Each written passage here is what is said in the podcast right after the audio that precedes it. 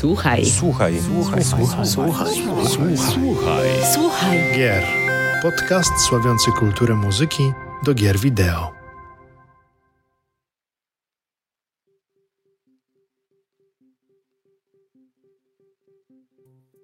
Dzień dobry, dobry wieczór! Z wirtualnego studia jak zawsze kłania się w pas wasz wierny, uśmiechnięty samuraj Mariusz Borkowski oraz Wiecznie zmęczony Paweł Dębowski. No tak, tak to jest jak się gra w Jakuzę. E, witamy drogie słuchaczki oraz szanownych słuchaczy, a także widzów już w 76. odcinku podcastu Słuchaj Gier, oficjalnego podcastu audycji serwisu gamemusic.pl, który sławi i przybliża kulturę, muzyki oraz sound designu w grach wideo. Serdecznie zachęcamy Was do słuchania naszych ostatnich podcastów oraz zapraszamy do subskrybowania kanału na Spotify, Apple Podcast, a także na YouTube. No i oczywiście dziękujemy za Wasze dotychczasowe wsparcie w postaci komentarzy, a także łapek w górę oraz w dół. Nie zapominajcie o dzwoneczku, bo niestety zły YouTube teraz wszystko tnie. E, tak więc e, dziękujemy także obecnym, obecnym przyszłym patronom, którzy bezustannie wspierają nas datkami na Patr Patronite oraz Kafi. Pa e, pa Pablo teraz szczególnie potrzebuje tej kawy. Tak. E, dzisiaj w naszym e, wirtualnym studiu niczym drużyna pierścienia zebrała się pokaźna grupa pasjonatów kultury japońskiej i jej pochodnymi. No a stał się tak bez przyczyny, ponieważ dzisiaj stoczymy, stoczymy ostateczną walkę związaną z tematem e, lub bądź z tematami muzyki do marki Final Fantasy. E, dlatego do naszego wirtualnego studia zawitali sami znamienici goście jak Mateusz Gołąb. Witaj Mateuszu. Hej, hej, miło znowu u Was gościć. E, Jak zawsze, e, Paweł Klimczak, aka Nafta. Cześć, Pawle. Hej, hej, hej, hej. No i po Hej, hej, hej. dłuższej, no i po dłuższej przerwie nasz dobry znajomy Adam Dęski, aka Nox A15 z zaprzyjaźnionego podcastu 2pady.pl. Cześć, Adamie. Cześć, cześć, witam wszystkich. Dobrze, panowie, jest to no, ogromna rozkosz móc spotkać się z wami porozmawiać o wspólnej pasji, jaką jest muzyka do gier, a w tym wypadku e, seria e, Final Fantasy. Tak się jeszcze złożyło, że minęło, już praktycznie mija nam powoli miesiąc od koncertu Final Symphony e, Music from Final Fantasy 6, 7, e, 10. M, Chciałbym z tego miejsca w imieniu e, Fundacji Game Music też podziękować naszym wszystkim widzom, którzy byli, może też którzy nas słuchają. Naprawdę dziękujemy Wam za, za Wasze wsparcie. E, No dzięki Wam będziemy mogli kontynuować i mam nadzieję, że niebawem będziemy mogli ogłosić jakieś kolejne wieści związane e, nie tylko z marką Final Fantasy wykonywaną na żywo, e, czy chociażby z samą marką Square Enix, ale to śledźcie po prostu nasze kanały i bardzo Wam dziękujemy za Wasze wsparcie. No i też dziękuję Tobie Adamie i pa, pa, e, Pawle, że byliście na koncercie. Nie wiem, czy jest czas, żebyśmy porozmawiali o naszych e, własnych jakichś takich powiedzmy przemyśleniach. Mam nadzieję, że ku temu się może w trakcie dyskusji jeszcze nadarzy o, e, okazja. W każdym razie też bardzo bym Wam chciał podziękować, że znaleźliście swój e, czas. E, Dobrze, zanim jednak przejdziemy do tematu dzisiejszego podcastu, e, proszę powiedzcie, czego ostatnio słuchaliście i może zacznę od Adama. O, akurat ode mnie, ojej, ojej, czuję się do tablicy tutaj e, wyprowadzony. Mhm. Co ja ostatnio słuchałem? Szczerze mówiąc, myślałem o tym, żeby się przygotować lepiej do tego odcinka i słuchać muzyki z Final Fantasy. Naturalnie. I skończyło się tak, że zdążyłem przypomnieć sobie, albo może nie tyle przypomnieć, stwierdziłem, że nigdy nie słuchałem muzyki z Finala 11, ale do tego wydaje mi się jeszcze przejdziemy, więc na tym się trochę skupiłem. A, a tak to czego jeszcze ostatnio słuchałem. Jest kilka takich soundtracków, do tego, których strasznie lubię wracać i na przykład jednym z nich jest e, Valhalla. E, nie, nie mam na myśli Assass- Assassin's Creed'a, tylko jest to Valhalla e, Bartender... E, jak, jak, Cyberpunk Bartender Action, chyba ta gra się nazywa. Jest to visual novel, gdzie się Tak. prowadzi bar w takim cyberpunkowym mieście i ma świetny, świetny soundtrack, przy którym się cudownie pracuje, więc jeżeli tylko nie mam zbytnio pomysłu, czego akurat posłuchać przy pracy, to jest to jeden z soundtracków, który sobie włączam. A, a tak, to również ostatnio, e, co zresztą tutaj e, uświadomiliście mi przed nagrywaniem, że przechodzę teraz Alana Wake'a 2, więc w sumie też mógłbym troszeczkę powiedzieć. E, więc może nie spoilując, nie psując żadnych niespodzianek, jeżeli ktoś jeszcze nie grał, ale z nagry Remedy możecie się spodziewać, że w grze jest multum, multum e, współpracy z zespołem Poets of the Fall, czyli pojawiają się znowu Old Gods of Asgard, no i dzieje się, dzieje się, jest dużo naprawdę, nie, nie, nawet nie tyle muzyki, co zabawy z muzyką, z interakcją e, z muzyką, bardzo, bardzo fajna rzecz, więc jak graliście w Kontrola, to mniej więcej, mniej więcej możecie się spodziewać, e, w jaką stronę studio właśnie idzie z takimi eksperymentami i jeszcze gry nie skończyłem, ale, ale bardzo mi się podoba to, co tam robią. No ja też osobiście czekam, co Petri Alanko upichcił w tym swoim piekarniku. A dobrze, e, Nafta, a co u ciebie się ostatnio kręciło? Yy, kurczę, bardzo, bardzo dużo słuchałem ostatnio Furii e, nowej. Ja, jako trwa moja te, e, długa i szalona miłość z muzyką tradycyjną, z muzyką wiejską, więc jak usłyszałem, że na nowej płycie zespołu Furia ona gra muzykę ludową, polską, na modłę black metalową. Niesamowita sprawa. Myślę, że o tej płycie będziemy przez wiele lat jeszcze pamiętać. E, no i, i w sumie coś z tym black metalem mam na rzeczy, bo jeszcze Wayfarer, e, American Gothic, e, płyta, która jest takim Red Dead Redemption 2, ale black metal. Bardzo, bardzo ciekawe przerobienie właśnie tradycji E, dzikiego zachodu na modłę black metalową i e, bardzo, bardzo, bardzo, e, bardzo ciekawa rzecz, a już tutaj przyznawałem się z, z, z lekkim wstydem poniekąd, że w moim życiu zaszła ważna ważna zmiana, czyli uzależniłem się od EVE Online i e, muzyka z EVE jest niesamowita. W zasadzie jest naprawdę super i e, e, nie jestem dumny z tej zmiany w swoim życiu, ale myślę, że jeszcze przez chwilę eksploruję te, poeksploruję te opcje. Nie jest tak strasznie, jak ludzie mówią. E, mam bardzo miłe, e, miłe doświadczenie nowej, nowego gracza, a z MMO to różnie bywa. Wiem, że dzisiaj pogadamy trochę o 14, e, więc może to, to będzie remedium tak, jeszcze na IF. Kiedyś może sięgnę. Właśnie.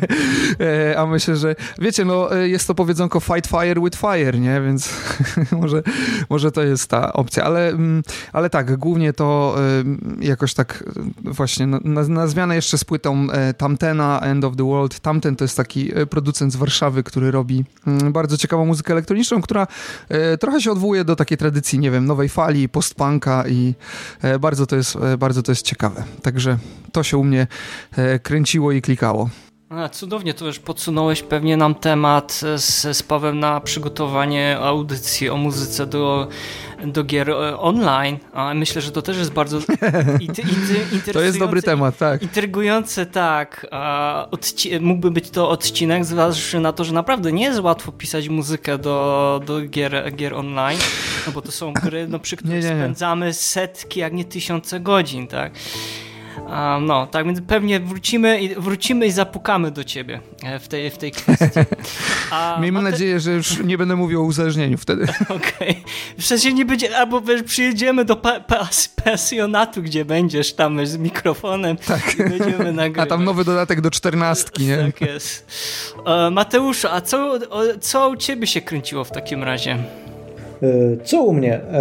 Pod względem soundtracków do gier to tak naprawdę ostatnimi czasy niewiele. E, właściwie dwa tygodnie temu, jak byłem chory, to przez weekend e, udało mi się skończyć Persona 4 Golden, gdzie przez trzy dni hmm. grałem chyba z 40 godzin łącznie, i, bo nie mogłem się ruszyć z łóżka. E, więc cały czas w głowie słyszę heartbeat z tamtego soundtracku, natomiast ale to nie jest analogia do twojego stanu zdrowia wtedy, mam nadzieję, że to nie było. Tak, tak, tak, tak. Okay. Nie, nie, nie. Okay. Nie, nie, nie. Ale jest to taki utwór, który wrył mi się w głowę. Jest ewidentnym takim earwormem, który zostaje na, na długo, ten konkretny utwór. E, co do takich e, poza soundtrackowej muzyki, e, to gdzieś tam e, po jakiejś tam dłuższej wakacyjnej przerwie wróciliśmy sobie z naszym małym zespołem do grania i nadal gdzieś tam szukam sobie inspiracji. E, więc e, odkryłem e, taki amerykański, kalifornijski zespół Failure, który grał mniej, mniej więcej między latami 90 a 97 nagrywał, teraz chyba się reaktywowali jakiś czas temu, no ale oni gdzieś tam yy, oscylują w granicach tego yy, grunge'u, ale też bardzo mocno, bardzo mocno, mocno wyróżniają się na tle tego całego nurtu tym, że e, mocno bawią się przetwarzaniem swojej muzyki. Więc niektóre ich utwory brzmią troszkę bardziej kosmicznie od innych, niektóre bardziej tradycyjnie, e, no ale jest to coś takiego ciekawego, co, gdzie, gdzie, gdzie szukam troszeczkę inspiracji do tych gitar u nas w zespole. No i właściwie w sumie ostatnio tyle. No i oczywiście, jak, jak zawsze, dziecięca muzyka w tle, jako że mam dwójpółletnią córkę, e, odkryliśmy, że taki punkowo-folkowy zespół Hańba ma też poboczny projekt dziecięcy Czereśnik, gdzie śpiewają piosenki dla dzieci i jest ostatnio hitem u mojej córki. To jest, ja, ja powiem tak, e, nieskromnie bym chciał zaproponować, że kto wie, może twój zespół jako comeback wyjdzie w formie jakiegoś takiego nagra, na, nagrania dla młodszych słuchaczy. Ja, ja mam wrażenie, że to jest taki troszeczkę nieodkryty rejon przez wiele zespołów, a fajnie po prostu od małego jednak dzieci edukować dobrą muzyką. E, dzięki Mateuszu. A Pablo, ja się ciebie nie pytam, ale wiem czego ty słuchasz. Nic nie Dobra, mów o tej Jakuzie, dobra, mów o tej Jakuzie. O, spoiler. Ale czy kupiłeś już Grandię w pudełku? Ja chcę zgłosić cyberbullying, bo Mateusz cały czas mnie nęka w internecie o to. Ale słuchaj, już jest zbiórka na Patronite, już prawie już zbieraliśmy. Kaszlnij dwa razy, jeżeli potrzebujesz Grandię. pomocy. Link będzie pod tym, pod filmem. Także zbiera, jest zbiórka na gra, Grandia dla, dla, Jezu, dla jestem, Pablo. jestem wszędzie nękany, to jest niesamowite. Ale okej, okay, wracam No bo do tego. kupujesz jakie bzdury, a, a nie Grandię. No Ciebie po prostu bardzo, bardzo kochamy, Pablo. Wiesz, i chodzi No o twój widzę. stan psychiczny, żeby Tak, żebyś łobuzy, kocha, łobuzy kochają bardziej, no rozumiem. Można i tak. A jeśli chodzi o słuchanie, zacznę może od ty, bo trochę czasu minęło, odkąd się ostatnio widzieliśmy, a tu się trochę rzeczy pozmieniało. Oczywiście dalej odkrywam sobie nowe zespoły japońskiego rocku i popu, a- ale w ostatnim czasie dużo odsłuchuję sobie soundtracków. Na przykład... Um, Sony zrobiło nam Dzień Dziecka i podrzuciło nam kilka albumów, które są dostępne do odsłuchania w streamingu, na przykład Wild Arms i Shadow of the Colossus. A oczywiście o Wild Armsach e, mówiłem już wielokrotnie na tym podcaście, więc chyba nie ma sensu się powtarzać, po prostu trzeba nie tylko zagrać, ale też posłuchać. No a Shadow of the Colossus to jest taki no, no-brainer, must have. E, To jest gra, która wyciska siódmy poty z PS2, ale soundtrack to jest po prostu, myślę, takie, taka naprawdę mocno wysoka poprzeczka, jeśli chodzi o soundtracki do, dla tej konsoli. Również odsłuchałem sobie na razie fragmenty, e, ale mam zamiar e, zakupić sobie soundtrack do Star Ocean The Second Story Air, czyli remake do e, Star Ocean sprzed, o Jezus, 20 lat ponad, jeśli dobrze pamiętam. E, mogę powiedzieć tak, to jest remake, o który ni- nic nie robiłem jeśli chodzi o samą grę, jeśli chodzi również o sam soundtrack, bo a, mam problem z nowymi, e, z reedycjami e, soundtracków do starych gier, bo one zwykle niczym się specjalnie sobą nie różnią, albo są po prostu jakąś tam kalką e, twórczości sprzed lat z jakimiś małymi tweakami. No Star Ocean, powiem szczerze, to jest chyba soundtrack, który był tworzony praktycznie od podstaw, od nowa, gdzie wrzucono nie tylko nowe instrumenty, ale również no, przeszła orkiestrację i w niektórych, w niektórych utworach słuchać nawet cały chór, więc to jest e, praktycznie soundtrack stworzony od, od nowa, od samego początku. Ale mówię, na razie odsłuchałem sobie fragmenty, które są teraz dostępne i mam nadzieję dostać e, cały soundtrack, kiedy będzie e, dostępny.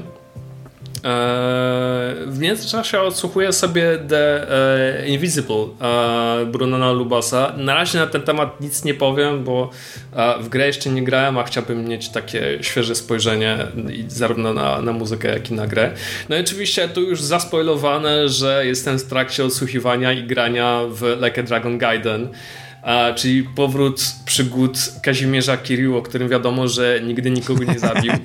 Um, więc to jest to jest dosłownie powrót e, Kiryu, więc jeśli ktoś grał w poprzednie odsłony Jaku z, z nim w roli głównej, no to myślę, że do tego soundtracku też się przyzwyczai, bo to jest powrót do tych e, mocnych brzmień, zwłaszcza rockowych, które e, towarzyszą nam podczas e, walk, które są, no, to jest klasyczny brawler, tak jak poprzednie części. E, I naprawdę robi robotę. Jeśli ktoś, jeśli komuś brakowało takich dźwięków po Like Dragon, myślę, że będzie zachwycony. Nie jest to może taki wysoki poziom jak, jak za Zero czy jak za 6, ale myślę, że to jest taki fajny, fajny dodatek, takie puszczenie oczka dla, e, dla fanów, także jak najbardziej mogę polecić. Oj, od Star Ocean to trzeba będzie kiedyś audycję nagrać, bo to, co Motoi Sakuraba i, Oj, tak. i Sentami mm. zrobił w, w serii Star Ocean, ale nie tylko, ale w Talesach, jeszcze w kilku innych seriach. A ja się też bardzo cieszę z tego, z tego remake'u i mam nadzieję, że Square Enix się teraz obudzi i Xenogearsa wyda w końcu. O, e, no. ja, bym, ja, bym, ja bym się ucieszył z takiej reedycji, nie, nie, nie, nie ukrywam. No ja też. A, I jeszcze kilka innych, jak między innymi Wagon Story. To jest, to jest taki klas, mm -hmm. ja tego kompletnie nie rozumiem, dlaczego Square, Square Enix jeszcze Zwłaszcza, że to jest, jeśli chodzi o Xeno, Xeno, e, Xenogears, no to to jest e, potencjał do tego, żeby to zrobić. No, przy Staroszym pokazano, że dało się wydać starą grę w nowym wydaniu, która wygląda jak klasyk, ale mimo wszystko kurczę, przyciąga do, przyciąga tak. nowych graczy, więc no jak, jak najbardziej. A jak mnie w ogóle dziwiło, że hmm? Star Ocean Proszę? Tak, mnie w ogóle zdziwiło, że oni po Star Ocean sięgnęli przed tak. na przykład Xenogears, bo wydawało mi się, że Xenogears ma taką bardzo opinię kultowego tytułu, też jakiejś takiej e, bardzo nietypowej realizacji e, w tej formuły JRPG-owej, a Star Ocean e, gdzieś tam, no, nawet niedawno było jakieś nowe części, nie? Może to jest jakiś eksperyment, wiesz, na zasadzie... No, Square Enix ludzie... lubi eksperymentować, tak. jak Zobaczymy, jak ludzie po Avengersach. Mm. No tak, ale... Square jest w ogóle przedziwne, mm -hmm. bo... Mm -hmm. Mów, proszę, proszę. Bo dwójkę dwójkę wydali z większym rozmachem plus edycjami mhm. pudełkowymi niż jedynkę. Nie wiem, czy tak. pamiętacie, że tak. remake mhm. jedynki też wyszedł dosyć niedawno. Tak. tak, tak, jest super. Ja zresztą ogrywałem go e, całkiem niedawno, to jest fenomenalna gra w ogóle i byłem bardzo zdziwiony, jak bardzo nic się wokół niej nie działo, nie? Tak, tak publishingowo bardzo po macoszemu. Dopiero teraz za dwójkę się wzięli tak bardziej tak what? Moi drodzy, żeby się nie wdawać no i to widać. w szczegóły teraz i nie wchodząc w dygresję, ja bym naprawdę bym strasznie chciał o Star Ocean porozmawiać, bo to jest moja ulubiona seria, szczególnie druga i trzecia odsłona. Oj a to jeszcze pewnie coś czuję, że będziemy musieli was e, zaprosić do studia i, i, będziemy mogli wtedy porozmawiać. Ale nawiązując do klasyków, no tak się z, e, złożyło, e, że w końcu Brave Fencer, Musashi Den Original Soundtrack Tsuyoshiego Sekito i Yoichi Yashimoto, no na zdobycie tego albumu no, przyszło mi czekać blisko prawie 20 lat. Produkcja, którą pamiętam jeszcze jako nastolatek oczarowała mnie wówczas, no szczególnie oprawą audio napisano właśnie przez Tsuyoshi Yoshiego Sekito, no byłego gitarzystę kapeli The Black. Kto kojarzy, to wie, że to był zespół, który przez trzy mm, publikacje płytowe zajmował się aranżacjami w e, utworu z Final Fantasy w formie takiej rockowej, czasami nawet e, rocka progresywnego. No i chodzi muzyka na przestrzeni tych blisko 30 lat, mowa oczywiście o Brayfacerze Musashi Denie, blisko 30 lat być może się już zestarzała, to nadal, nadal mnie czaruje takimi swoimi tematami, a w tym szczególnie przewodnim, towarzyszący głównemu bohaterowi gry. No album polecam naprawdę wyłącznie pasjonatom konsoli Sony PlayStation PlayStation. Jeżeli chodzi o drugi album, już pa, Paweł powiedział, The Invincible, a, niezwyciężony Bruno e, Lubasa. No o produkcji niezwyciężony dowiedziałem się, szczerze powiem, całkiem przypadkiem przy festiwalu poświęconemu twórczości Stanisława Lema, no wybitnego pisarza literatury hard science fiction i wielu innych jeszcze e, dział tym filozoficznych. Od samego początku no, kibicowałem grze, a szczególnie muzyce autorstwa polskiego kompozytora Bruno Lubasa, no bo jest to współkompozytor wielu produkcji dla studia Bluebird Team. Tudzież przy ostatnim nawet The Medium pracował z Arkadiuszem Rejkowskim bodajże z tego co pamiętam, oprócz Akiry Yamoki. No i w niezwyciężonego jeszcze nie miałem okazji zagrać tak jak Paweł, ale przesłuchałem cały album, który nie jest może w żaden sposób odkrywczy, ale jako samodzielne dzieło muzyka w oderwaniu od obrazu jest momentami ciężka naprawdę w odbiorze. Tylko nieliczne motywy z udziałem organicznych instrumentów, w tym głównie fortepianu, który pewnie okraszają sceny fabularne dla gry, naprawdę wtedy brzmi to imponująco. No wydaje Wydawnictwo szczególnie polecam osobom szukającym odskoczni od typowej muzyki do gier wideo. Tyle z mojej strony i tyle od naszych słuchaczy i panowie, przechodzimy muzyczna Odyseja serii Final Fantasy, część trzecia. Mamy tutaj, skończyliśmy na dziewiątej odsłonie i mamy tutaj pożegnanie e, tak naprawdę Uematsu z serią Final Fantasy na przestrzeni e, odsłony 10 i 11. Mowa o, o, o jakim pożegnaniu? No mowa o tym pożegnaniu, że on był głównym kompozytorem, on się głównie zajmował tą muzykę, muzyką, ale już przy 10 i 11 odsłonie, no przy 11 już tam były tylko nieliczne, nieliczny jego udział, natomiast przy 10 e, odsłonie, która została wydana 19 lipca 2001 roku, pomagało mu dwóch kompozytorów, mianowicie Junya Nakano i Masashi Hamauzu, którego pewnie nasi słuchacze, widzowie i słuchaczki kojarzą z takimi produkcjami jak Saga Frontier 2, Final Fantasy oczywiście 7 e, Remake, Final Fantasy 13, no i można byłoby tu tak naprawdę w nieskończoność e, wymieniać e, Sigma chyba Harmonic, taka gra była na Nintendo DS-a, więc wiele, wiele naprawdę produkcji kompozytor z ogromnym bagażem doświadczeń. I teraz przechodząc bo rozmawiając o Final Fantasy X, no trzeba powiedzieć, że to była też ostatnia chyba odsłona z tego co pamiętam. Wyprowadźcie mnie panowie z, e, jakby, z jakby takiego powiedzmy z błędu. To była też ostatnia produkcja, gdzie Hironobu Sakaguchi pracował. E, on zakończył jakby też swoją działalność też ze, ze Square, bo to jeszcze był wtedy, jeżeli e, pamiętamy wszyscy, to był Square, to jeszcze nie był Square Enix. A no bo wszyscy wiemy, że niestety fi, film Spirit Within pogrzebał troszeczkę z Square i poniekąd się mówi o tym, że to był powód, dlaczego się też z, z Enixem połączyli. A jeżeli chodzi o samo. Ja nie chcę, żebyśmy rozmawiali o Final Fantasy X, jaka to była pod kątem, jakby, nie wiem, graficznym re rewolucja, tak? Ja bym chciał porozmawiać o samej muzyce, czy w, na przestrzeni tych gier, które oczywiście graliśmy wcześniej, od jedynki, e, od jedynki do dziewiątki, czy uważacie, że dziesiątka była faktycznie, można powiedzieć śmiało, że była też w jakimś stopniu re rewolucyjna? Czy ona jakiś kolejny krok, e, kolejne jakieś nowe standardy wówczas e, wprowadziła? Bo mówimy o roku 2001, gdzie na rynku jest konsola PlayStation 2, już chyba gdzieś tam za rogiem GameCube się powoli poja pojawiał, Dreamcast niestety już do dogorywał, e Microsoft wiadomo zapowiada swoją gdzieś powiedzmy konsole. Dużo się dzieje na, na rynku. E, to jak z perspektywy czasu wy oceniacie tą muzy muzykę? Może też wasze jakieś wspomnienia? I zacznę może od naszego e, gościa, od Adama. Adamie, jak ty wspominasz może e, Final Fantasy Rany, 10? to fatalnie, że na mnie padło, bo muszę się tutaj przyznać, że nigdy nie skończyłem Final Fantasy X, ale bardzo chcę to kiedyś zrobić. Natomiast znam takie najbardziej e, takie na, najbardziej może ikoniczne, można by powiedzieć, takie najbardziej ulubione utwory, jak tu Zanarkand, no tutaj oczywiście taki obvious choice, prawda? E, ale tak, to, to jak słucham tych kawałków, to faktycznie jest to jeden z powodów, dla których chciałbym tę grę kiedyś skończyć. Drugim z powodów jest to, że redakcja dwóch padów gdzieś tam mnie ciśnie regularnie w takich interwałach, że Nox, kiedy skończysz Final Fantasy X? I tak, dobrze, dobrze, w końcu skończę. Więc głównie posłucham, dobrze, tak, głównie posłucham waszych wrażeń na razie z tej części. Y, pewnie będziesz miał przy, e, przy, kolejnych odsłonach więcej do powiedzenia, a nafta, a jak to u ciebie z tą dziesiątką w takim razie wyglądało? Jak to z perspektywy czasu? Czy faktycznie muzyka dużo, duże zamieszanie wówczas zrobiła? Zarówno u ciebie i też jak na rynku?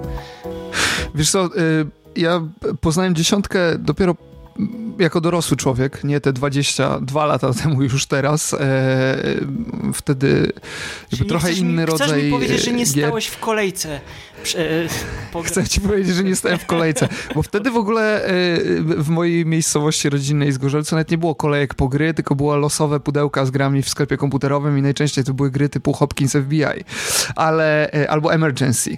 Natomiast e, absolutnie kocham Finala 10. Przechodziłem go chyba z trzy razy, ostatni raz w zeszłym roku. Jest to jeden z moich ulubionych soundtracków w ogóle do Final Fantasy. Mm, uważam, że jest to jeden z najlepszych soundtracków, jeżeli chodzi o połączenie tematów gry i charakteru lokacji, atmosfery, jaka w ogóle panuje w, w tej grze e, właśnie z muzyką. Dla mnie, jako człowieka, który jest mocno zainteresowany, sam religijny nie jest, ale jestem bardzo mocno zainteresowany religią, religijnością, e, instytucjami religijnymi, a, a o tym ta gra jest. E, bardzo, bardzo, bardzo mi się po, podobał ten soundtrack. E, wszystkie na przykład utwory, które towarzyszą eksploracji różnych ruin.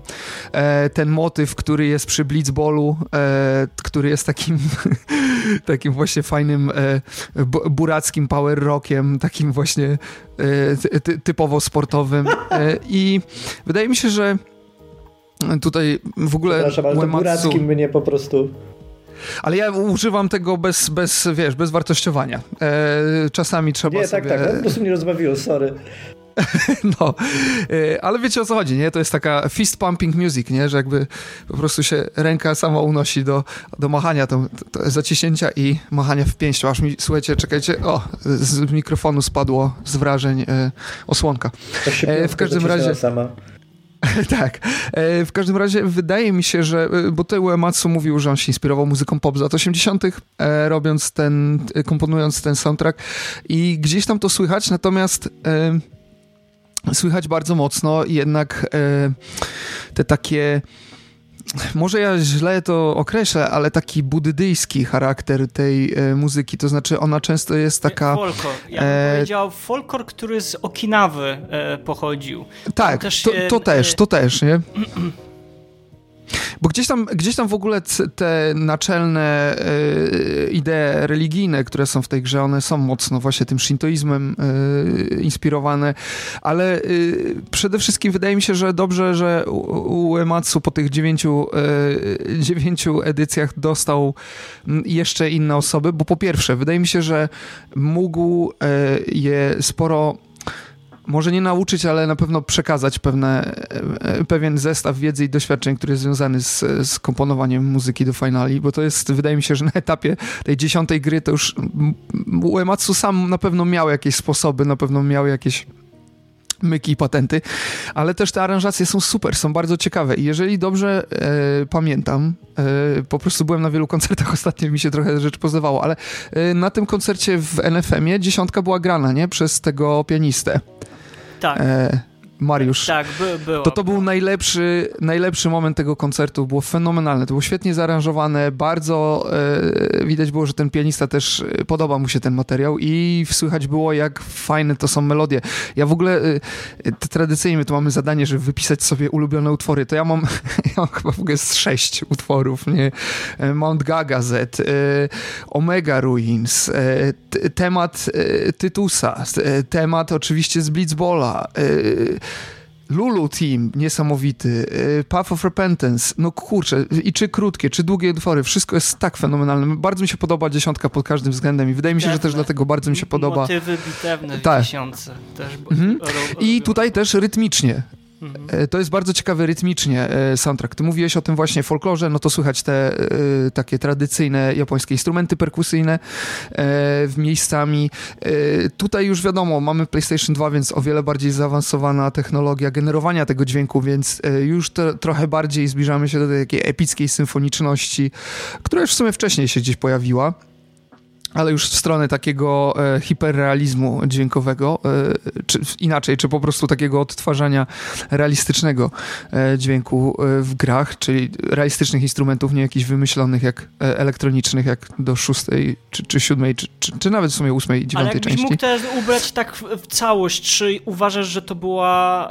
Sorry, że tak po prostu ucinam, ale też staram się pilnować Tak, ja bym gadał jeszcze długo, więc dobrze. Tak, ja wiem, ale nie, mi się to właśnie bardzo podoba, bo widać, że z ogromną pasem podchodzisz do tej dziesiątej od, od, odsłony i prawdę mówiąc moglibyśmy całą audycję dzisiejszą poświęcić tylko i wyłącznie tej części, ale jakbyś miał Oczywiście. Podsum podsumować e, w całość, czy uważasz, że na tle całej serii, czyli od tej dziewiąt, od jedynki do dziewiątki, no przecież można śmiało powiedzieć, że raczej nawet od, od jedynki do, od szóstki do, do dziewiątki, trzydziesiątka była bardzo rewolucyjna, w, jeżeli chodzi o całą, całą, nawet całą serię, na tle całej serii, czy można tak powiedzieć? Czy ona coś zmieniła, miała jakiś wpływ na późniejsze kolejne części? E, tak, wydaje mi się, że mm, ta taka bardziej kooperacyjna, e, bardziej kooperacyjny charakter pracy nad tą muzyką i e, Wydaje mi się, że aranżacje są trochę głębsze, są trochę bardziej rozbudowane i y, tutaj oczywiście to pewnie wynikało z tego, że Uematsu miał osoby, które osobno gdzieś się też za, skupiły na aranżacji, że on głównie pisał melodię, chociaż nie, nie, nie w przypadku każdego utworu tak jest, ale y, ta, y, ten zestaw osób, które aranżowały tę muzykę, no tutaj jest, ja nie wiem, czy, czy, nie wiem, czy mówisz o wpływie i mów, o tym, co dalej. Wydaje mi się, że ten wpływ e, jest naturalny i bez dziesiątki, w sensie bez tego, co jest na dziesiątce, ta muzyka i tak szłaby w tę stronę, bo to jest po prostu zmiana w całej branży, czyli większe budżety, e, większe możliwości oddania mm, na przykład muzyki symfonicznej, realistycznej i tak dalej, i tak dalej. To, to jest element tego procesu. Na, na pewno wydaje mi się, że po raz kolejny i to jest coś, co jest stałego w serii, że ta muzyka perfekcyjnie się zgrywa z tematami i lokacjami i w ogóle atmosferą i charakterem e, dziesiątki. I to można powiedzieć praktycznie o każdych finalach, może o tych pierwszych, chociaż to też jest, jakby to też się zgadza wszystko.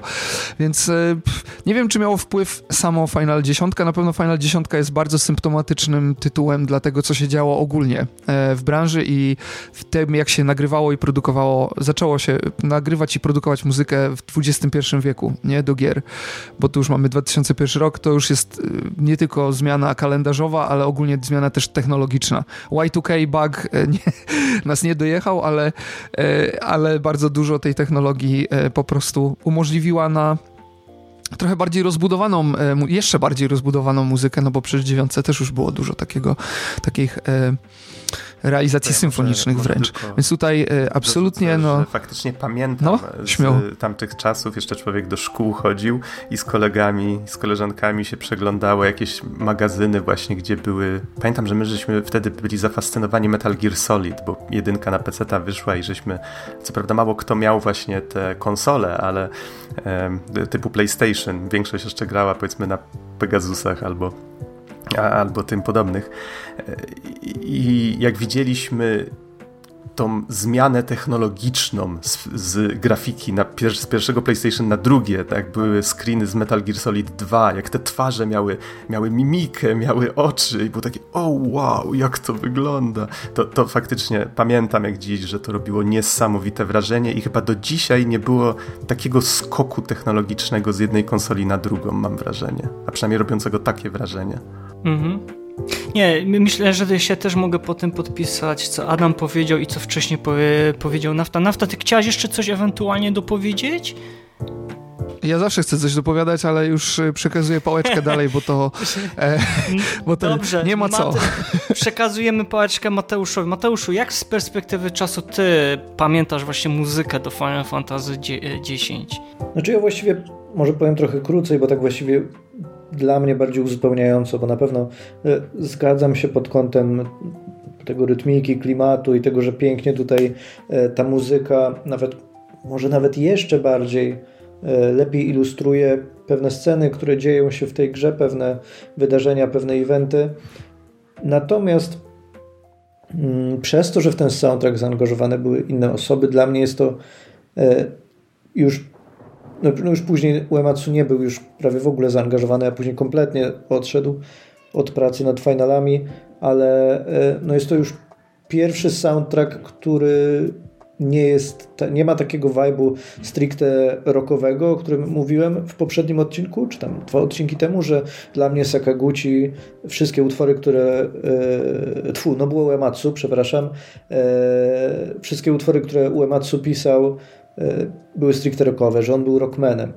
Tutaj już tego jest dużo, dużo mniej dla mnie, mm. przez co ta Outer muzyka... World na przykład... E, tam jest troszeczkę... Ale nie mówię, że wszystkie. Okay, tak, okay. tak, tak, tak, tak. Okay. E, nie mówię, że wszystkie, ale nadal nie, nie jest już tak, że który utwór nie weźmiesz, on może być Rozumiem, utworem mhm. rockowym, nie? I w związku z tym, że ta muzyka dużo lepiej ilustruje rzeczy, to jest dla mnie troszeczkę bardziej e, bardziej popada w zapomnienie. Ja właśnie pamiętam utwory typu Tuzanar Kandbon, był poruszający, Otherworld, o którym wspomniałeś, z utworów Hamaudzu kocham e, Decisive Battle, który jest fantastyczny. Natomiast dużo utworów zlało mi się z tłem. I to jest taki powtarzający się przykład, o którym pewnie będę mógł też powiedzieć później, że są gry w tej serii, których utworów nie jestem w stanie sobie w ogóle przypomnieć Natomiast dobrze mi się z nimi grało już po odejściu Uematsu. Mhm. Bardziej, i bardziej takie ilustracyjne, bardzo mocno przypięte do obrazu i, i nawiązujące chyba możesz do tematyki filmo, filmowej, a można tak, też tak, tak jakby to mieć takie, odnieść takie wrażenie. E, Jak ty, jak to u ciebie była, było z tą dziesiątką? Jak ty w ogóle wspominasz na przestrzeni już tych dekad tą dziesiątą odsłonę? Znaczy wiesz, Final Fantasy X to już jest era PlayStation 2, to już jest zupełnie nowa technologia, więc można było sobie pozwolić na jeszcze więcej. Tak już mówiliśmy o tym, że Final Fantasy IX to już było e, no, dociśnięcie tak naprawdę do ściany i zastanawialiśmy się, co jeszcze mogą e, z tego wycisnąć. No i przyszła Final Fantasy X i okazało się, że da się zrobić e, więcej lepiej. Tu fajnie e, Nafta to powiedział, że ten soundtrack e, tak w sumie jak sama gra nawiązuje trochę do tej religijności, do tej, e, tej sfery duchowej e, i tu się mogę pod tym podpisać rzeczywiście, że słuchając soundtracku do dziesiątki ja nie mówię, że, że, że, ten soundtrack e, mi się bardzo podobał, tak, czy był zajebisty, czy coś w tym rodzaju, tylko czułem satysfakcję, ale właśnie taką satysfakcję E, takim pod kątem właśnie tej duchowości, może w ten sposób. Um, Także Final Fantasy X znajduje się gdzieś tam w mojej topce ulubionych, e, ulubionych soundtracków, zwłaszcza w kontekście gier na, e, na PlayStation 2, e, o czym kiedyś musimy Mariusz pogadać, bo PS2 miała potężną bibliotekę, e, bibliotekę gier i bibliotekę muzyki. Ale tu jedna rzecz, e, może nawet nie krytyka, ale taka rzecz, którą ja zauważyłem i tutaj trochę Mateusz na, to zwrócił uwagę, to, że e, Nobuo Ematsu niby współtworzył, znaczy mamy kilku, kilku autorów soundtracku, co już było takim dużym, dużym krokiem e, do przodu, jeśli chodzi o całą serię. A również mamy mnóstwo więcej, więcej utworów wokalnych, ale to, co, na co ja zwróciłem uwagę, to to, że to, co stworzył Matsu troszkę gdzieś ginie w tle, tak naprawdę. E, trudno mi to dokładnie nazwać, ale wydaje mi się, że to, co na przykład stworzył e, Hamazu, czy e, brzmiało dla mnie zdecydowanie lepiej, fajniej i zdecydowanie bardziej pasowo do, do klimatu do klimatu dziesiątki. W przypadku Matsu no to, tak jak powiedziałem gdzieś on tam się nawet nie ukrywał, ale on gdzieś, gdzieś znajdował się w tym cieniu e, swojego ucznia, było, e, było nie było. I dlatego troszkę z tym, mam, e, z tym mam problem. Może, możliwe, nie wiem, to jest takie moje, to jest takie moje zauważenie, może to nie jest, nie jest prawdziwe, może to jest kwestia tego, że Umatsu już, już tworzył te soundtracki do gier już od wielu, wielu lat i już wtedy chyba czuł, że potrzebował trochę, trochę zmian może odciążenia. Widać, że się bardzo, bardzo starał, ale to, co on stworzył, było dla mnie no gdzieś tam ginęło w tle rzeczywiście, że mimo, mimo, mimo swoich starań mimo swoich, swoich dotychczasowych do, dokonań, no to co stworzył było no, dla mnie przynajmniej słabsze od tego, co, co udało się Hamuzu. Mhm.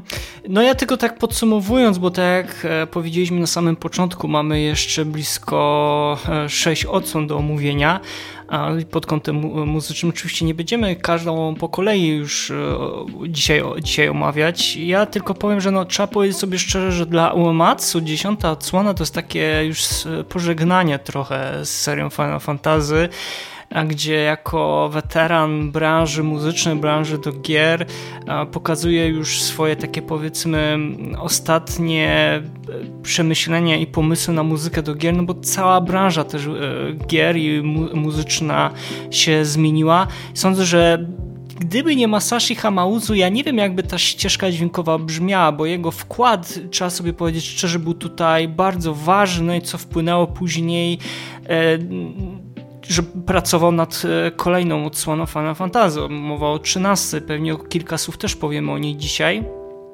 Dlatego sądzę, że to jest piękne pożegnanie Uematsu i faktycznie gdzieś można mieć z tyłu ten zgrzyt, że jest to zupełnie, zupełnie inna, inna historia, zupełnie inna Fantasy, ale też może Hironobu Sakaguchi i grupa osób, która pracowała wówczas z nim, też chcieli się w jakiś sposób e, pożegnać. No, wiadomo, że ma, mieliśmy tą J-popową balladę Suteki Dene przy w wolnym tłumaczeniu Isn't It Wonderful, um, napisano w tekst napisany przez e, Kazusiego Nojimę, natomiast muzyka oczywiście była napisana przez e, Uematsu, no i ten wspomniany przeze mnie ten Otherworld, e, który też był skomponowany przez Nobuo Uematsu, tekst był napisany przez Aleksandra Smitha, zaś jeśli chodzi o wykonanie, to był Bill Moyer, frontman z kapeli Till I'll Die.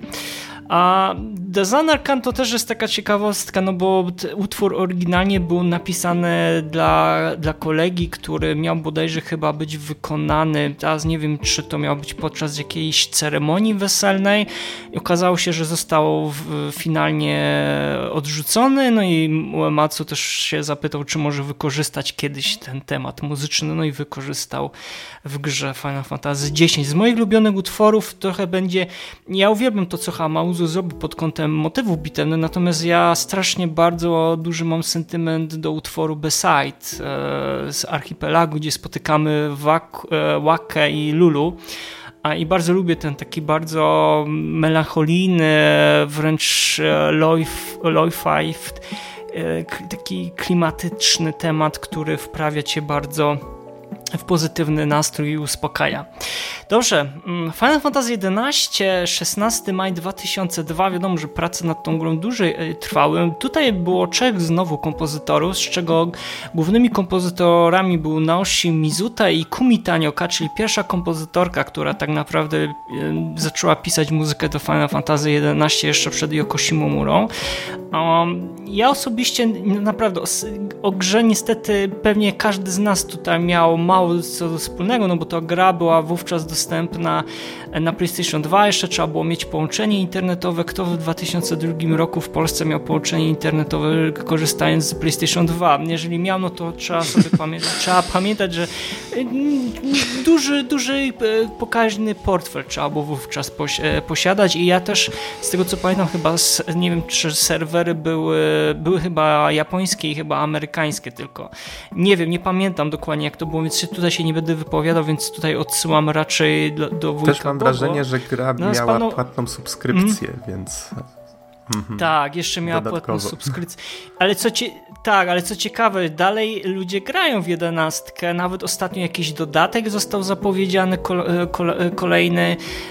I z moich ulubionych utworów to tutaj jest ten temat główny, czyli opening theme The Legend of the Crystal, theme Memory of the People, Memory de la Stone, Memory of the Wind. Bardzo orkiestrowy, bardzo taki monumentalny temat. No i panowie, czy wy jesteście w stanie cokolwiek wyciągnąć ze swojej pamięci, jeżeli chodzi o Final Fantasy XI? Czy mieliście okazję jakoś e, takowo zapoznać się z tym tytułem, zarówno jeżeli chodzi o grę i o muzykę? I może zacznę tym razem od Mateusza.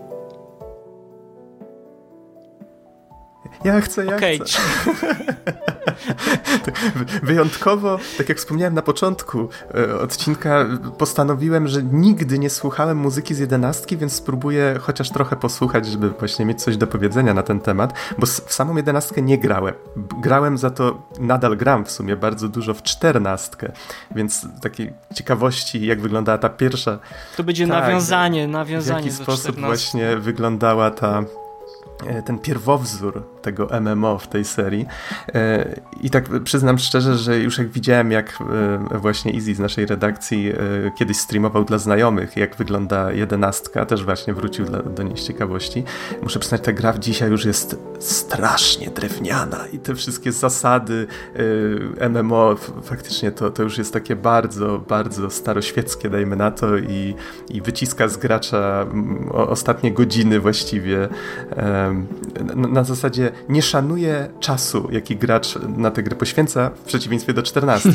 Natomiast sama muzyka, tak jak e, wspomniałeś, ten motyw główny, ja mam nawet wrażenie, że czy on nie był przypadkiem wykorzystany jako część tego e, znanego zwiastuna w 14, jak się A Realm Reborn pojawiło? Właśnie tak zapomniałem tego Całkiem możliwe. Nowa, nowa, no, nowa tak, aranżacja. Zapomniałem to sprawdzić, ale, ale to jest faktycznie mm. bardzo ładny utwór, y, który przyznam szczerze, jako jedyny w tym soundtracku jakoś zapadł mi w pamięć. Puściłem go sobie tak do pracy, słuchałem go i on był bardzo przyjemny, przynajmniej ten do, do podstawowej wersji gry, bo jeszcze każdy dodatek ma, ma osobny soundtrack. Przesłuchałem jeszcze właśnie do pierwszego dodatku i tak zaskoczyło mnie, że y, ta muzyka pasowałaby do dowolnego RPG. Nie czułem w tym takiego Final Fantasy vibe'u, ta, takiego nastroju, że tak, to jest, to jest właśnie Final Fantasy.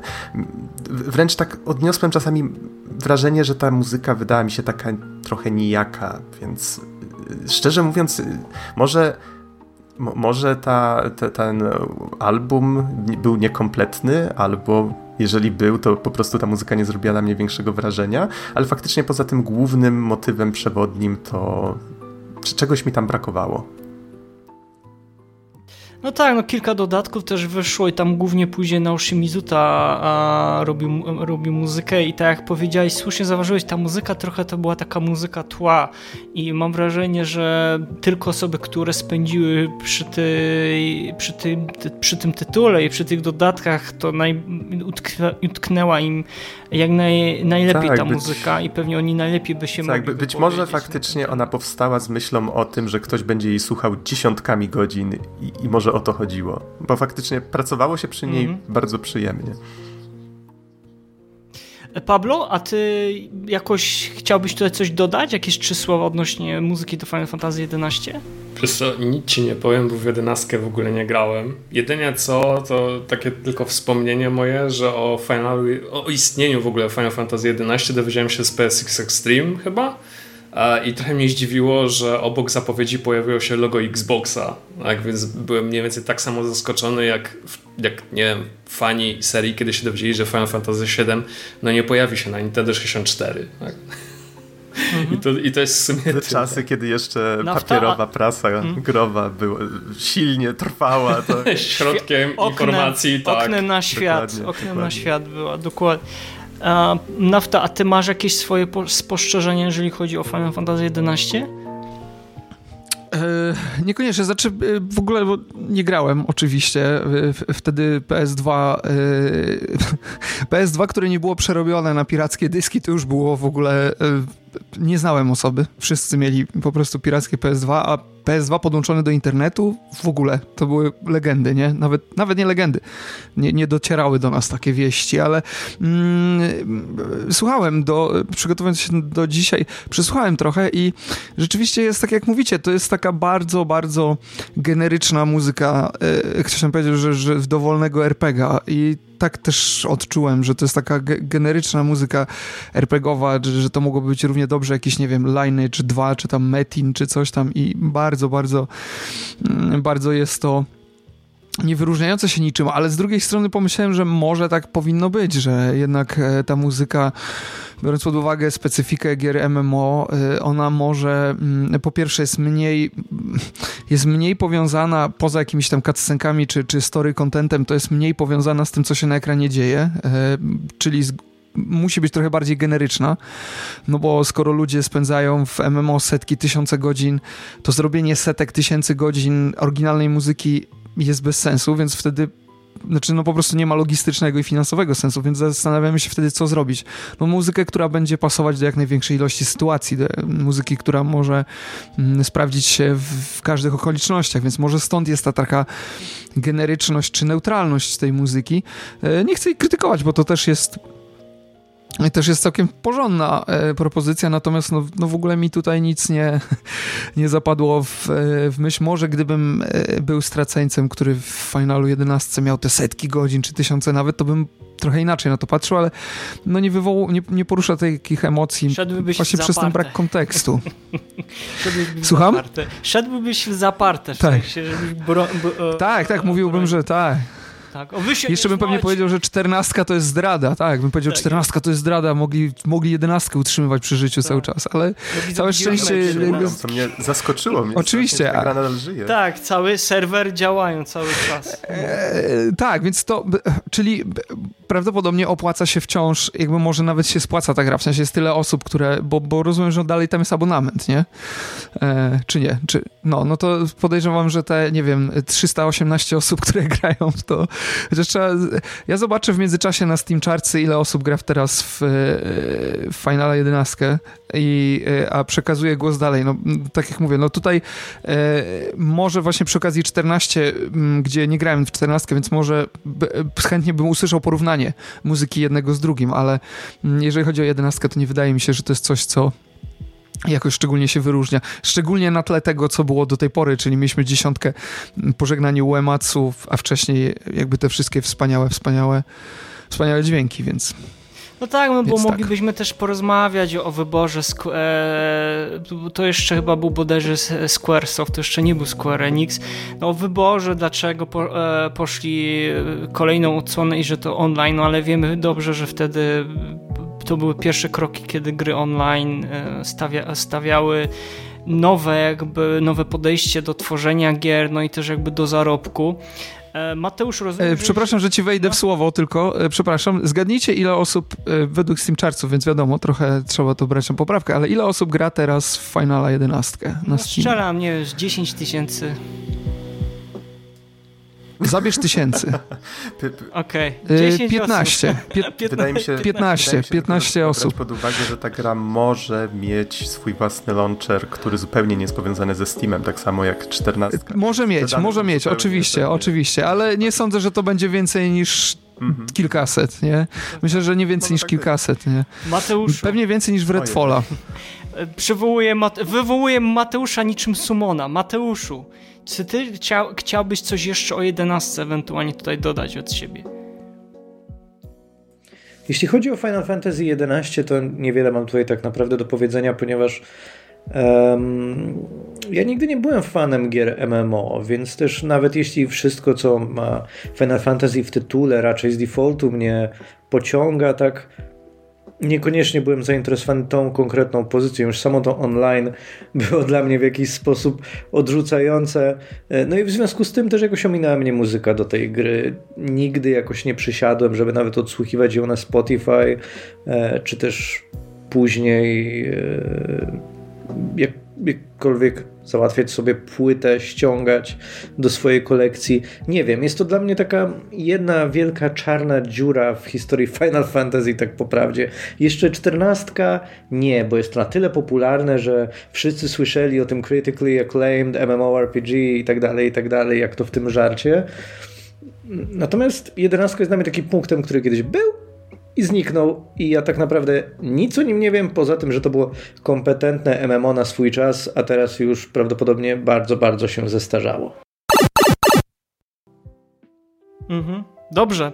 Panowie, y, teraz to kończymy tak naprawdę. To już był ostatni e, lot, jeżeli chodzi o pożegnanie Uematsu z serią Final Fantasy, gdzie on był głównym, głównym kompozytorem, chociaż wiemy, że on w 14 też miał bardzo dużo do powiedzenia. Mamy teraz, musieliśmy prawie 4 lata czekać e, na kolejną odsłonę Final Fantasy XII, ale w międzyczasie wiemy, że 12, 13, 14, 15, 16 powstała i tutaj w przypadku muzyki do Final Fantasy XII głównym... Tak? Coś, chciał coś e, dodać? Okej. Okay. Um, Żaden problem. E, w przypadku Final Fantasy XII e, głównym kompozytorem, to wszyscy wiemy, był Hitoshi Sakimoto, tam jeszcze kilku innych kompozytorów pomagało e, Sakimoto, m.in. Masaharu Iwata. Później Final Fantasy XIII, Masashi Hamauzu, Final Fantasy 14 głównie tutaj do, głównie muzyka do dodatków i też jakby do linii fabularnej, czyli Masayoshi Soken. Final Fantasy XV, Yoko Shimomura, no i później Masayoshi Soken dostał e, możliwość e, napisania muzyki do pełnoprawnej odsłony, czyli Final Fantasy XVI. No i mamy, mówimy teraz tak naprawdę o nowej jakości w muzyce Final Fantasy, czyli od Final Fantasy 12 do, e, do 16.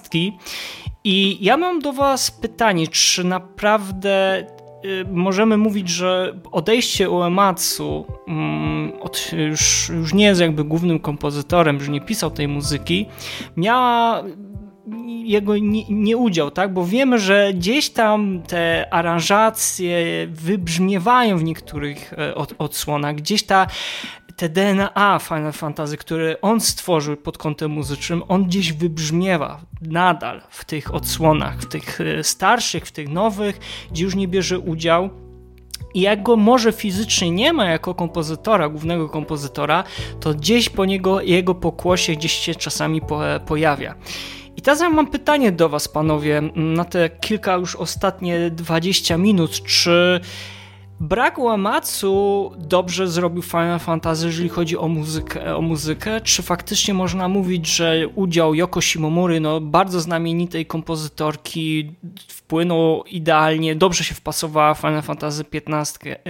Czy na przykład w przypadku Hitoshiego Sakimoto, który zrobił muzykę do Final Fantasy XII, który to była chyba jedyna, od, jedyna odsłona Final Fantasy, która dostała od Famitsu 40 na 40. Zresztą e, Sakimoto dostał złotą płytę za, za muzykę. I czy na przykład Masashi Hamuzu i niestety felerny start e, Square Enix na konsoli PlayStation 3 i Final Fantasy 13, która no jedni kochają, jedni nienawidzą, jedni mają, wolą zapomnieć. E, natomiast muzycznie, wiadomo, też e, różnie było. Czy uważacie, że brak Uematsu miał dobry wpływ na, na serię Final Fantasy? I może zacznę tym razem najbardziej wygadanego naszego gościa, czyli Naftę. Ojejku, jeszcze z takim pytaniem. E, znaczy tak, ja myślę, że nie wiem jak z serią Final Fantasy, ale dla Uematsu staram się postawić w jego, w, w, jego butach na chwilę, wejść w jego buty. E, to jest kupa lat spędzona na e, robieniu soundtracków do jednej serii. E, myślę, że on też miał trochę tego E, nie tyle dość, ale to też pożegnał się godnie, no bo tam abstrahując od tego, co, czy, czy przy, przypracował przy 11, no to jednak dziesiątka to była bardziej e, podejrzewam, że większa okazja dla niego, większa mm, okoliczność może bardziej taka u, uroczysta. E, chociaż kto wie, może był fanem MMO bardzo już od, od samego początku. Ale wydaje mi się, że tak jak bardzo, bardzo lubię dwunastkę jedną z moich ulubionych gier w ogóle w serii jest. Tak ten soundtrack, on e, dla mnie się trochę zaczyna e, i to jest taka moja opinia, z którą oczywiście śmiało zachęcam do polemiki, ale zaczyna się trochę taka epoka generyczna e, w finalach i ja zdaję sobie sprawę, że dwunastka z racji tego, że to ona ma taki jest ten wątek polityczny, to jest takie e, bardzo dojrzałe fabularnie i e, posuwa się ten proces, który od samego początku przecież Square miał, e, miał na celu, czyli film, ufilmowienia gier. Nie? Seria Final Fantasy to jest seria, która od zawsze mia, miała ambicje filmowe, jeżeli chodzi o prezentację, jeżeli chodzi o sposoby narracji. Zresztą za to ją kochamy. To też był ten zmiana paradygmatu w, w grach wideo, przynajmniej japońskich, że pojawiły się trochę inne sposoby opowiadania historii, trochę inne sposoby e, konstruowania w ogóle wszystkiego, e, od filmików począwszy po, po soundtracki właśnie.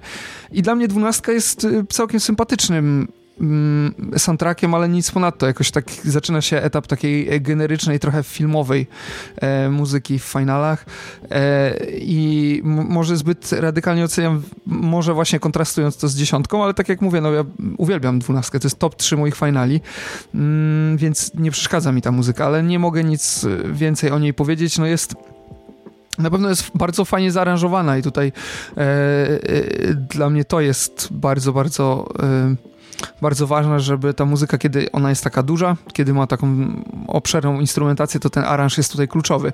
Więc ten, ten aranż się jak najbardziej sprawdza. Natomiast e, nie wiem, ja też nie czuję na przykład bardzo mocno organicznego związku z muzyką, a światem, który jest zaprezentowany w dwunastce. To na przykład mi trochę przeszkadza. Wydaje mi się, że mm, tak jak w przypadku dziesiątki, szóstki tak samo, nie wiem, siódemki, jakby mm, dziewiątki tak samo, bardzo mocno słychać w tej muzyce. Mm, ja ją słysząc, potrafię sobie wyobrazić ten świat. E, słuchając 12, soundtracku do dwunastki bez obrazu z dwunastki, przypominając, ją sobie, przypominając go sobie na dzisiaj, e, ciężko mi było, wiecie, przywołać sobie kiedy to się działo, z którego momentu to jest muzyka. Więc mam takie, takie letnie wrażenia. Nie chcę tutaj być możesz powiedzieć o negative Nancy. Mhm. A czy to samo Absolutnie, dlatego mówię, że to jest... Mhm. Tak, dokładnie. Y, tak samo mam, y, w trzynastkę grałem tylko chwilę drobną i chyba mnie pokonała ta gra. W sensie bardzo nie chciała, żebym ją polubił i, tak po, po dwóch, trzech godzinach dałem sobie spokój.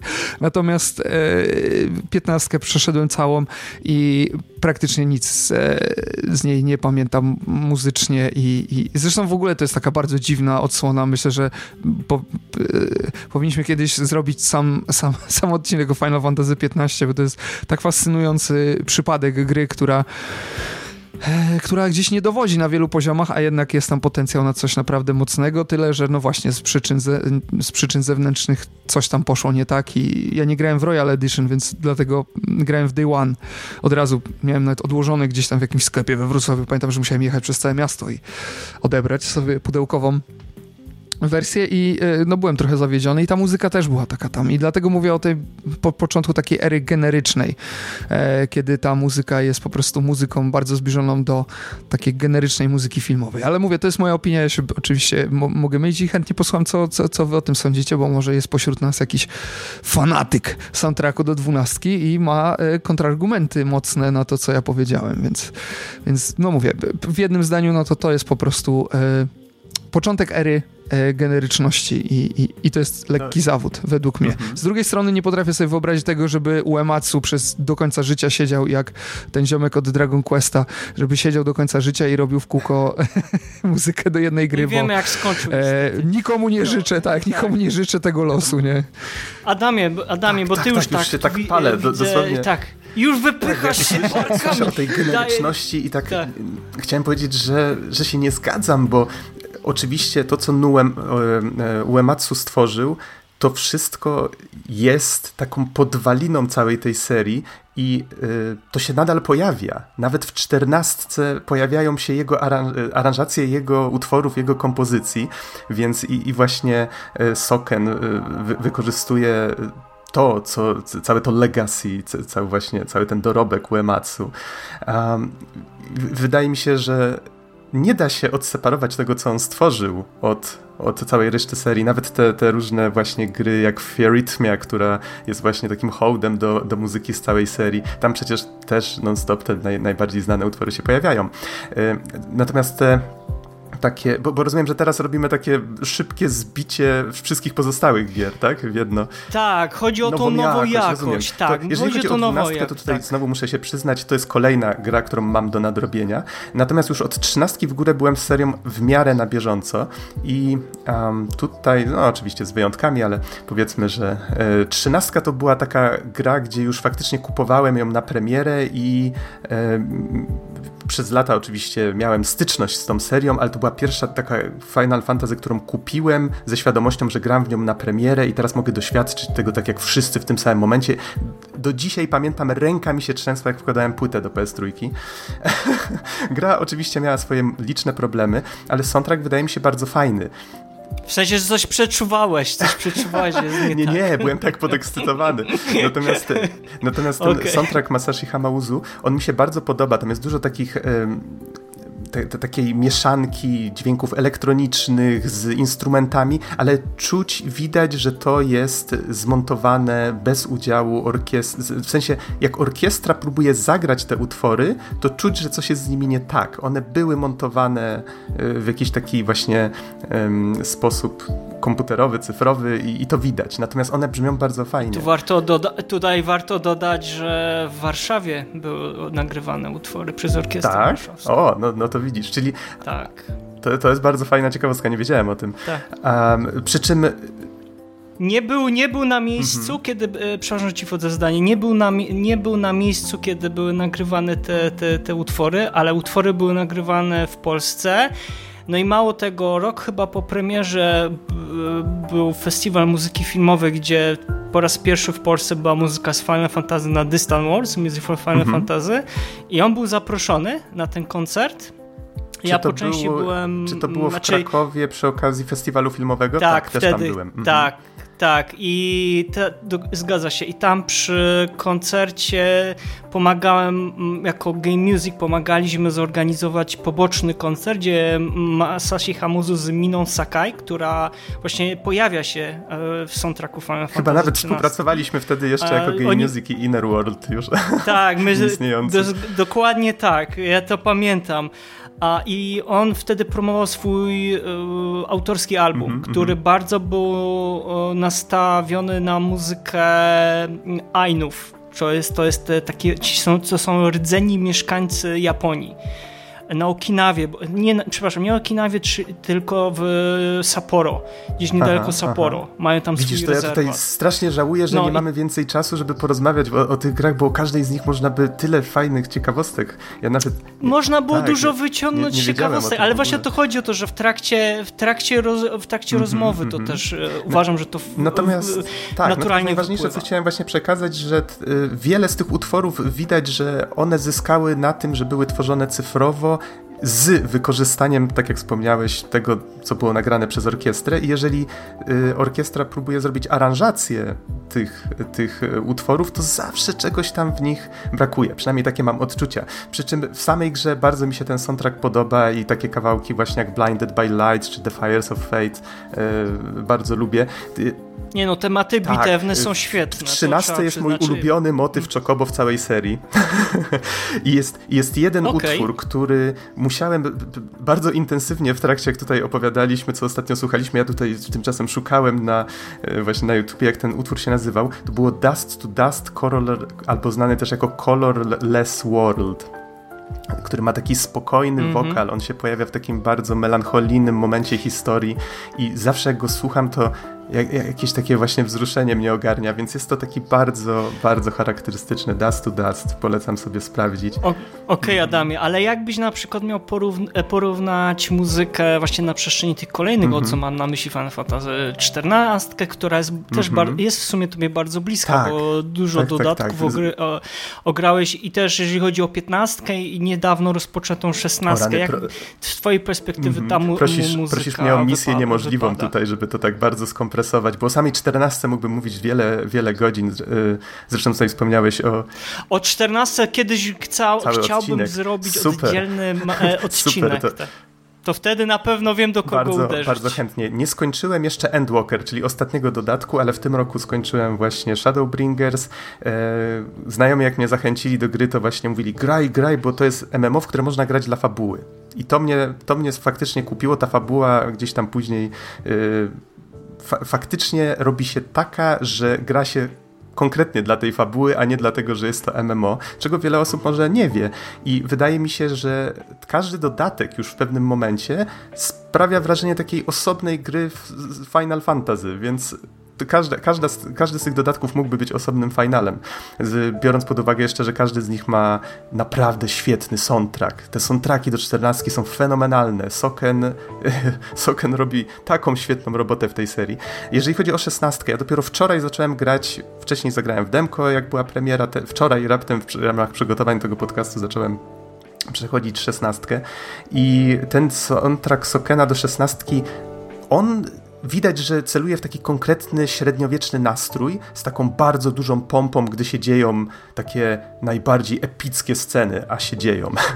tak może za dużo tutaj nie mówić, jak ktoś nie grał. A nie masz wrażenia, że to jest troszeczkę takie... Jest to coś zupełnie tematy, które nie wykorzystał w Final Fantasy XIV na razie, i on na razie wyciąga spędziłem z grą raptem kilka hmm? godzin, więc ciężko mi się tu wypowiadać, bo co chwila okay. znajduję w tym soundtracku coś nowego. Natomiast widać, że on jest nastawiony na jeden konkretny nastrój, co bardzo kontrastuje z czternastką, bo w czternastce faktycznie jest y, dużo dajmy na to, każdy dodatek ma jakiś tam swój motyw przewodni i te motywy potem, jak takie live motifs, one wracają e, z czasem, jak się pojawiają konkretne wątki fabularne, więc to też jest zszyte z narracją bezpośrednio. E, natomiast czternastka bardzo eksperymentuje z muzyką. Tam są takie zwariowane kawałki, jak chociażby, żeby tutaj e, daleko nie szukać, The Twinning Theme, Twinning, jakby ktoś chciał wygooglać. To jest jeden dungeon, do którego właściwie właśnie w, w, tym momencie fabularnym jestem, bo ledwo co go skończyłem w tym roku. E, I to jest taki jeden z kawałków takich totalnie zwariowanych, że się człowiek nie spodziewa, że o, gra RPG, tak, i nagle rany, do której dyskoteki nagle wszedłem. Albo um, jakieś motywy właśnie z jest taki Alliance Raid, który się nazywa Alexander, też można sobie wygooglać i tam muzyka też jak we wnętrzu jakiejś maszyny zaczyna grać, jakieś dziwne wokale, które śpiewają jakieś takie skoczne pioseneczki, które strasznie wpadają w ucho, ale z takich ulubionych na przykład moich kawałków z czternastki to też właśnie taki bardzo melancholijny, który przygrywa w Coerfas Western Highlands, to jest kawałek, który nie gra przy jakimś epickim momencie, przy czymś. To jest po prostu pole śniegu po sam horyzont i taki kawałek, który tak idealnie oddaje to, że tam się nie dzieje kompletnie nic ale jest jednocześnie tak piękny. No, Soken, Soken odwala tak dobrą robotę e, przy, przy tej przy czternastce. Jestem ciekaw, co tam jeszcze w szesnastce mnie czeka, ale mam tą świadomość, że ta szesnastka ona celuje w taki konkretny klimat i, i być może nie zaskoczy mnie niczym jakimś takim bardzo mocnym.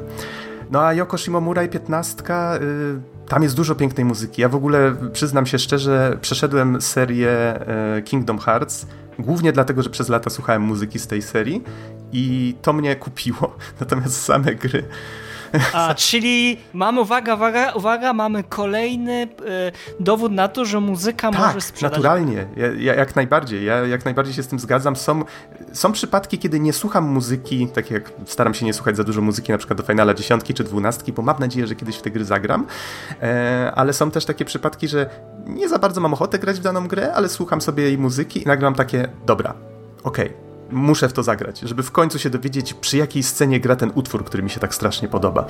E, I wydaje mi się, że właśnie w 15 było było dużo, dużo fajnej muzyki, e, pięknej, właśnie takiej melancholijnej. Yoko Shimomura ma, ma talent do wyciskania e, łez człowieka, mam wrażenie, tą swoją muzyką.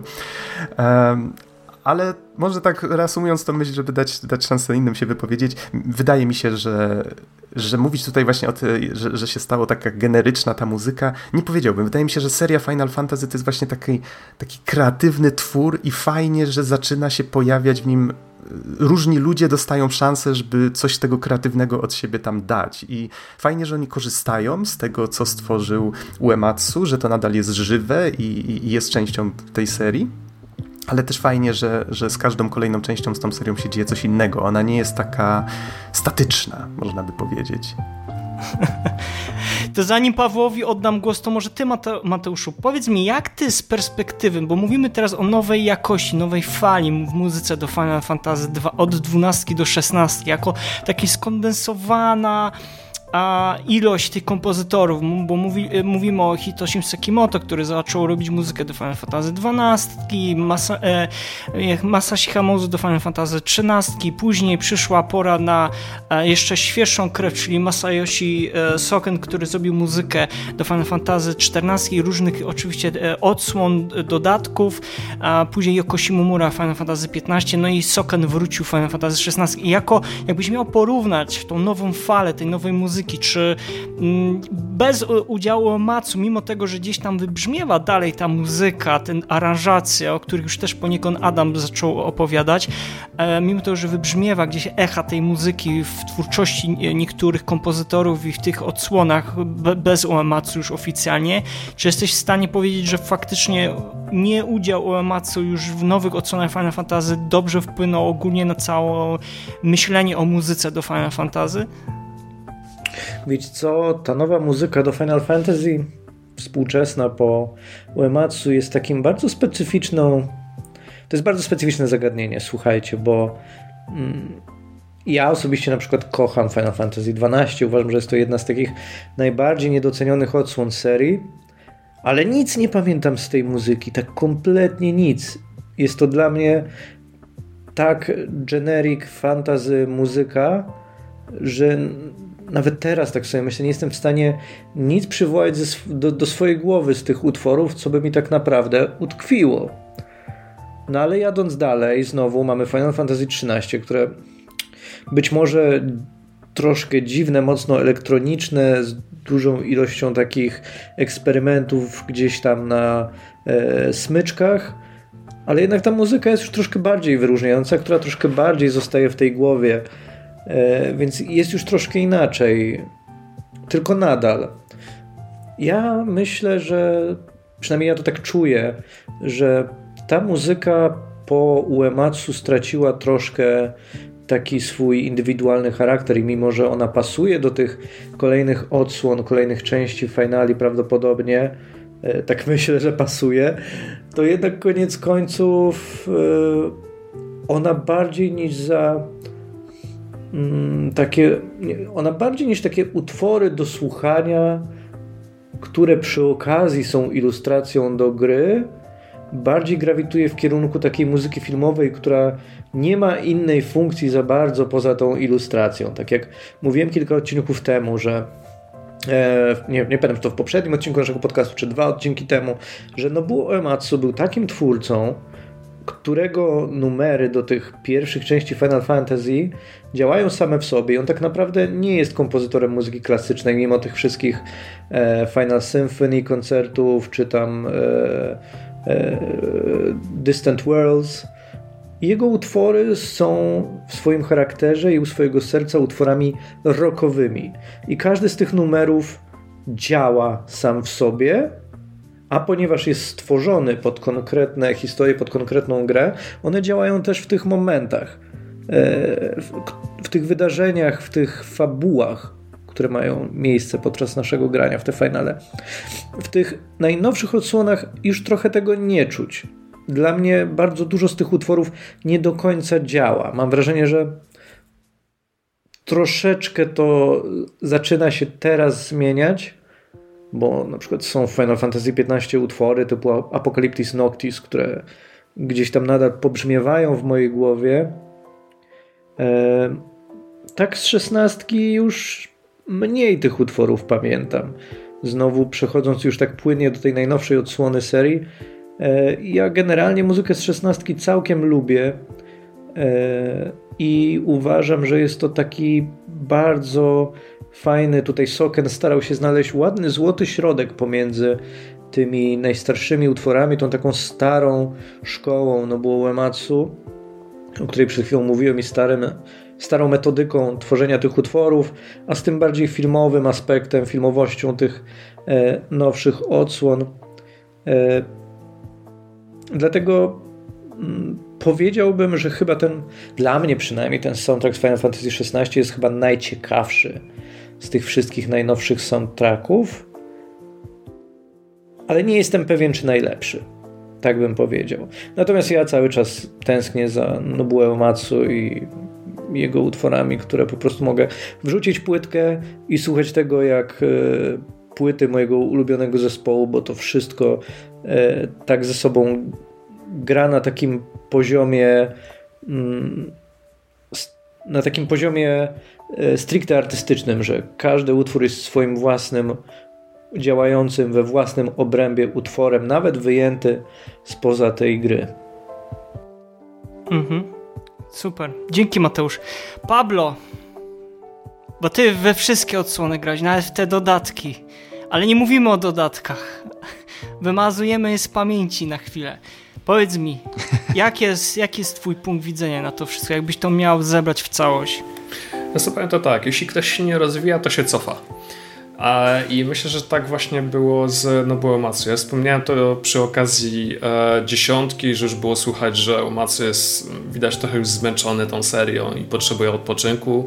E, I chyba Square Enix też to w pewnym sensie e, widziało, chociaż przyznam, że e, myślałem, że Sekimoto w 12 e, rzeczywiście będzie tam tylko na chwilkę, natomiast Square Enix będzie szukało e, jednego tego głównego kompozytora, który będzie takim potężnym nazwiskiem gdzieś tam na winecie i który będzie promował markę. Mick Gordon. Od, od nowo. Na przykład, nie? I, i, ale właśnie to mnie z jednej strony trochę mnie zdziwiło, że Square tak żongluje tymi kompozytorami, każda część ma, ma innego, innego twórcę, ale z drugiej strony mm, trochę mnie to e, Nafta naprowadził na to. Powiedział, że ta, e, te, te ścieżki dźwiękowe do kolejnych odsłonów 12 w górę są troszkę, troszkę generyczne. E, troszkę i troszkę się zgodzę, a trochę nie. Mógłby się zgodzić z, z tego względu, że Square szukało właśnie takiego mm, takiego momentu, czy takiego autora, czy tam autorki, który e, właśnie nakierowałby całą serię na taki jeden, taki słuszny tor, przez, e, po którym mogliby, e, mogłaby cała seria przechodzić. Były robione różnego rodzaju eksperymenty i trudno mi powiedzieć, czy jak, jak ze strony Square Enix wyglądały wyniki tych eksperymentów, czy mi się podobało to, co się działo na przykład w 13, 14, 15 i tak dalej, i tak dalej. No ale wracając do samych, samych soundtracków, jeśli chodzi o 12, no to tutaj się no, nie, nie zgodzę z tym, co zostało powiedziane. Znaczy, ja uwielbiam, znaczy uwielbiam, bardzo lubię e, muzykę do Final Fantasy 12 i pamiętam e, zdecydowaną większość e, tego albumu, ale głównie chyba dlatego, że e, to, co o czym to trochę się zapomina, że a muzyka Sakimoto to nie jest tylko Final Fantasy XII, ale w ogóle muzyka do całego uniwersum, czy tam świata i waliz, do którego składa się również Final Fantasy Tactics, czy 12 Revenant Wings na Nintendo DS. Także już mamy do czynienia nie z muzyką do jednej, jednej gry, tylko praktycznie do całego uniwersum, więc ja, ja na to patrzę trochę pod tym kątem. Ale jakbym miał oceniać do samej dwunastki, no to bym powiedział, że to, to jest soundtrack, który robi robotę. Tak? Mówiliśmy o tym przy okazji podcastu podcastu o, o świecie Iwalic, że to jest taki soundtrack, który ma budować klimat tej, tego otwartego, tego potężnego, chyba nawet większego niż poprzednie odsłony Finale, tego, tego ogromnego świata e, Final Fantasy XII i moim zdaniem robi tu e, całkiem dobrą robotę. Jeśli chodzi o Final Fantasy XIII, no to przy całej mojej nienawiści do tej odsłony, to mogę powiedzieć, że to, co się naprawdę udało, to był właśnie soundtrack i Masashi Hamazu zrobił tu naprawdę fantastyczną robotę, żeby, żeby dociągnąć przynajmniej ten element gry i myślę, że za to należy tę, tę odsłonę tak naprawdę pamiętać, czy te, za te wszystkie motywy przewodnie, za motywy bitewne, o Jezus, co się tam działo. Natomiast samą grę no, należy e, radzić prądem i palić ogniem. Um, Final Fantasy XIV właśnie, to jest powiem na razie o, o, o podstawce do Finala. Myślę, że to jest taki, taka przykład takiej odsłony, czy takiej muzyki, w której słychać te naleciałości Nobuo Ematsu. Słuchać, słuchać, że próbuje się na nowo stworzyć serię Final Fantasy, bazując na tym, co wcześniej Uematsu zrobił i to się udało, zwłaszcza w podstawce. Natomiast to, co Mutant Soken zrobił w kolejnych e, dodatkach, to jest coś, co wymaga rzeczywiście osobnego odcinka.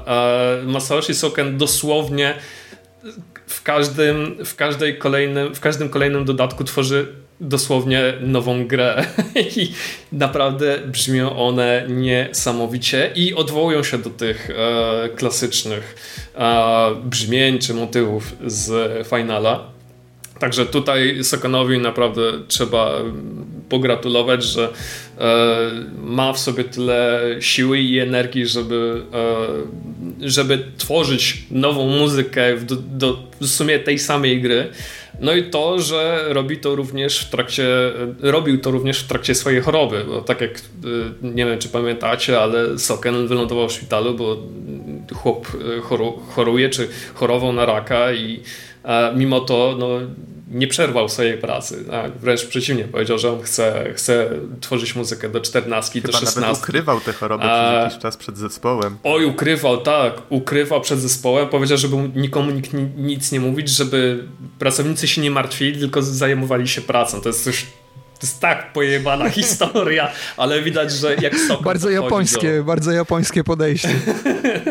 ale też widać, tak, ale też widać jak, jak Sokon podchodzi również do swojej pracy, tak, że traktuje to jako coś poważnego, jak, jakaś taka odpowiedzialność duża nad nim, e, nad nim ciąży. I tak, jest ten, ten e, pierwiastek japo, japoński.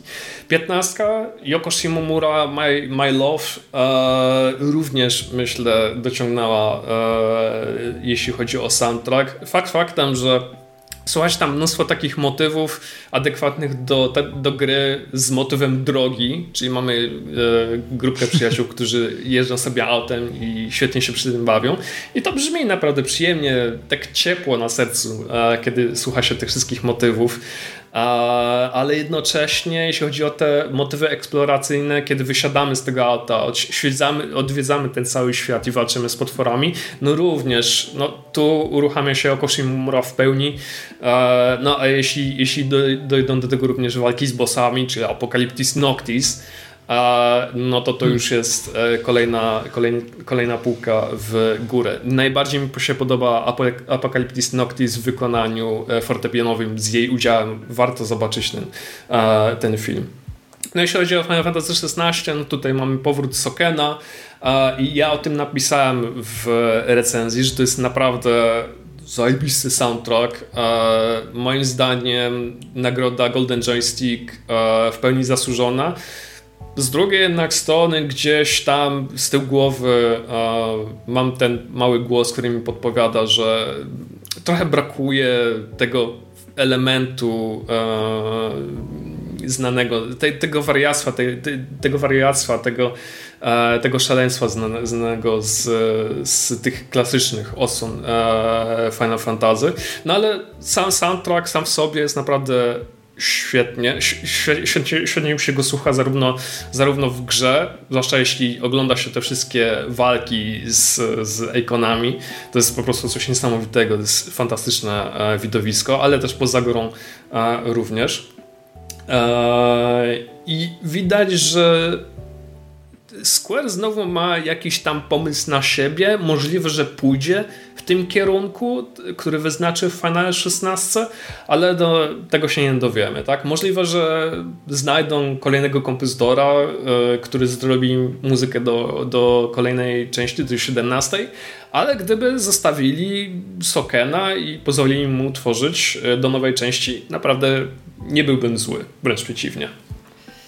A ja strasznie żałuję, że nie mamy więcej czasu, żebyśmy mogli porozmawiać, e, bo sądzę, że tutaj każdy z nas jeszcze by miał wiele do powiedzenia. Ja też zbierając to w całość, ja mam takie wrażenie, że e, jakby rynek gier się bardzo mocno zmienił i też to przełożyło się na to, jak te kolejne e, odsłony Final Fantasy wyglądały. No trzeba sobie też e, jasno powiedzieć, te odstępy między kolejnymi częściami były coraz bardziej dłuższe, no bo też wiemy, że czas produkcji takich ogromnych molochów też się zwiększył.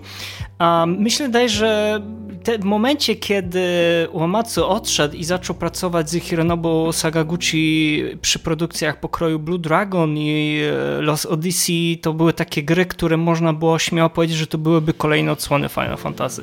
Bez dwóch mhm, zdań. Nawet, nawet Blue Dragon to jest taki trochę y, Chrono Trigger 2,5. Wiadomo, że tak.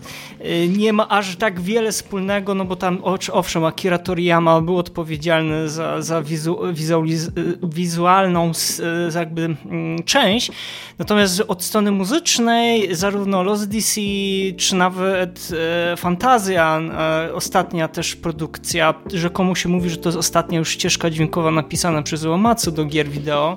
Hmm. To gra na Arcade Apple, chyba bodajże dostępna i chyba już na Steamie. Tak, to jest ekskluzyw na Apple'a. No, ale chyba na, na Steamie, też już jest? pojawić.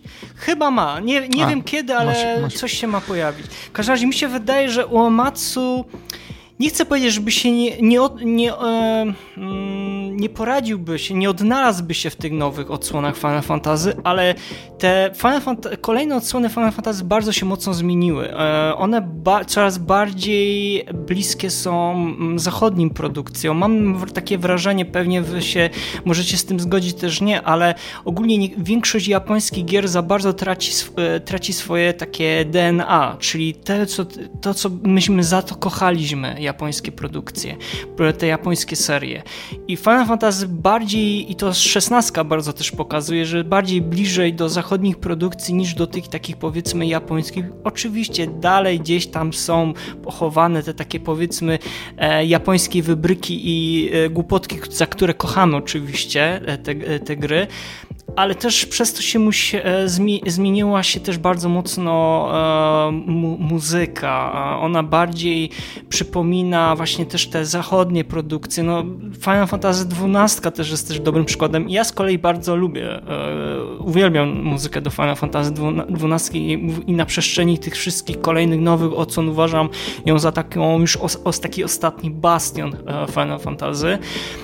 Ale to jest coś, o czym byśmy oczywiście mogli przez następną godzinę godzinę nieskończoność rozmawiać. Dlatego ja mam szczerą taką nadzieję, panowie, że kiedyś przy kolejnym, kolejnej audycji, czy to będzie przy Final Fantasy XIV, czy ogólnie kolejnej odsłonie Final Fantasy, tutaj mowa o, o 17, będziemy mieli okazję się spotkać w takim lub większym bądź mniejszym gronie i porozmawiać i więcej czasu poświęcić. Ja tylko mogę ze swojego miejsca bardzo serdecznie podziękować wszystkim słuchaczom oraz widzom i słuchaczkom, które wytrzymały, wytrzymali z nami i, i przeszli przez tą sagę, która trwała przez ostatnie trzy odcinki. Strasznie żałuję, że nie mogliśmy więcej czasu poświęcić tej serii, no ale też e, powiedzmy sobie szczerze, jest mnóstwo świetnej muzyki, której trzeba naprawdę oddać e, pokłon i e, czas. E, panowie, jeszcze raz bardzo, bardzo serdecznie dziękuję, że dzisiaj z nami byliście. A dzisiaj e, w naszym wirtualnym studiu dla przypomnienia był Mateusz Gołąb. Dzięki również. Cieszę się, że mogłem z wami być. Fajnie, że udało się tę finalową Odyseję wreszcie doprowadzić do końca i mam nadzieję, że usłyszymy się znów niebawem. Cześć. Paweł Klimczak, a kanafta. Hej, hej. No i mam nadzieję, Adamie, że będziesz e, częściej też z nami, czyli Adam Demski, a Kanox A15. Cała przyjemność po mojej stronie, też mam taką nadzieję. I słuchajcie, dwapady.pl e, podcast oczywiście. A i jak zawsze z wirtualnego studia, jak zawsze kłania się w pas wasz e, wierny samuraj Mariusz Borkowski oraz Paweł Dębowski. Do następnego, do kolejnego. Trzymajcie się ciepło. Dziękuję, że byliście z nami. Do słyszenia. Cześć. Słuchaj. Słuchaj. Słuchaj. Słuchaj. Słuchaj. Słuchaj. Słuchaj. Gier. Podcast sławiący kulturę muzyki do gier wideo.